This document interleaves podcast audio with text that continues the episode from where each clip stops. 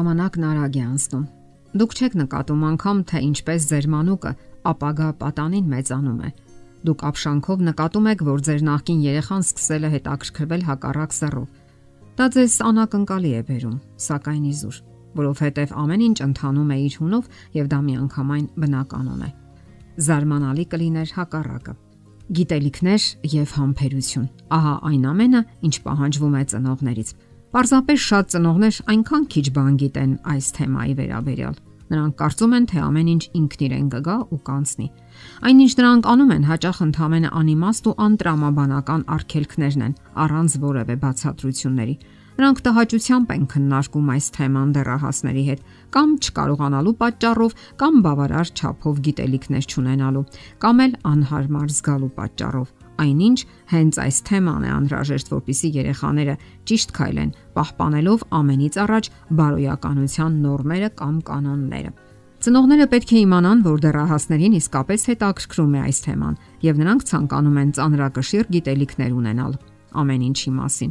Եթե դա չանեն ծնողները, ապա որոշակի գիտելիքների պակասը միայն բացասական հետևանքներ կծնի։ Հասկանալի է նաև, որ յուրաքանչյուր ծնող ունի լավ դիտավորություններ, սակայն հաճախ սխալ մեթոդներով։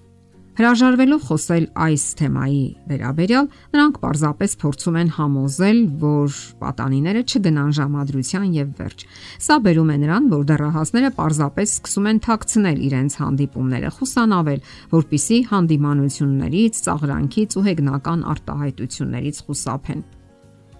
Հարկավոր է պատանիների հետ ավելի շատ խոսել հակառակ սեռի հետ հանդիպելու սեռական խնդիրների, բարոյական չափանիշների ու սկզբունքների մասին։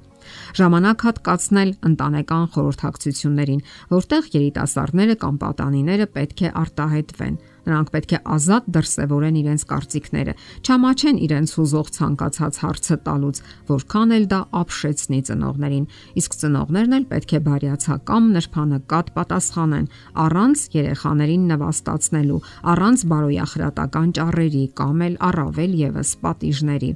Արդյոք ավելի ճիշտ չի լինի, եթե ձեր զավակը այդ բոլոր դժվար հարցերի պատասխանները ստանա ձեզանից, այլ ոչ հասակակիցներից, այն էլ խեղաթյուրված եւ ոչ տրամաբանական պատասխաններով։ Իմացեք, որ նման զրույցների ընթացքում ընտանեկան կլոր սեղանի շուրջ ձեր պատանին աճում ու զարգանում է։ Նա սովորում է. Իհարկե պատանիները ոչ միշտ կհամաձայնեն ձեր կարծիքներին։ Կլինեն բնականաբար առարկություններ, դիմադրություն, Պարզապես հարկավոր է հանգստություն ու խաղաղություն պահպանել։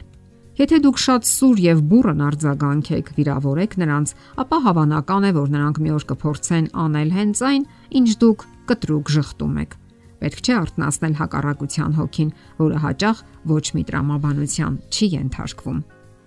Հարկավոր է որոնել այն ուղիները, որոնք բացում են պատանու սրտի ճանապարհը։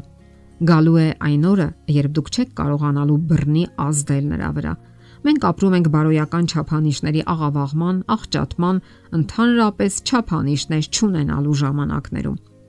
Երեխաների վրա ազդում են այսպես կոչված նշանավոր ու հրճակավոր մարտիկ, որոնք անսկզբունքային գաղափարներ են քարոզում հասարակության մեջ։ Տոն են տալիս ոչ այնքան բարի բարքերի, առանց սահմանափակումների, այսպես կոչված ազատության հովերի, որոնք հաճախ ոչ այլ ինչ են, եթե ոչ առանց սահմանափակումների կյանքի քարոզ։ Հոգեբանները խորհուրդ են տալիս ունենալ պայմանավորվածություններ երիտասարդների հետ։ Օրինակ, քանի տարեկանից կարելի է ժամադրվել, շաբաթական քանի հանդիպում ունենալ, ժամականիսից հետո պետք է տուն գա։ Հարկավոր է կոնկրետացնել նաև ժամադրության նպատակները։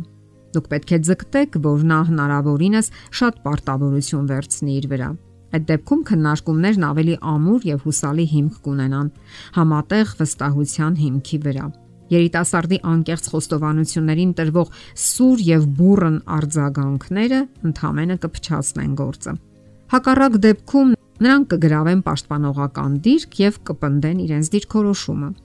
Իսկ որոշ դեպքերում նրանք ընդհանրապես ընդհատակ կանցնեն եւ կսկսեն չվստահել ձեզ։ Արդյունքում դուք ոչինչ չեք իմանա նրա մասին։ Ինչպես միշտ լավագույն քարոզը սեփական օրինակն է։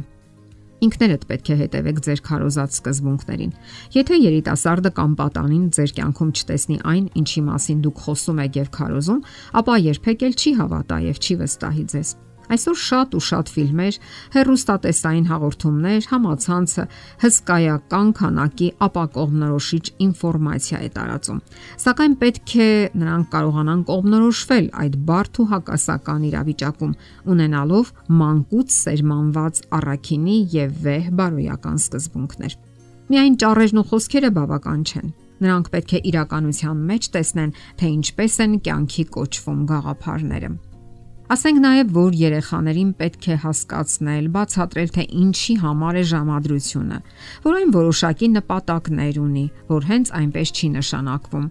Նրանց պետք է ասել, որ այդ ժամանակաշրջանը շփման, բնավորության որակները զարգացնելու միմյանց լավ ճանաչելու համար է։ Հարկավոր է բացատրել նաև ամուսնության իմաստն ու տրամաբանությունը, չէ՞ որ նրանք նոր միայն պետք է սկսեն հասկանալ, թե ինչ է նշանակում ամուսնություն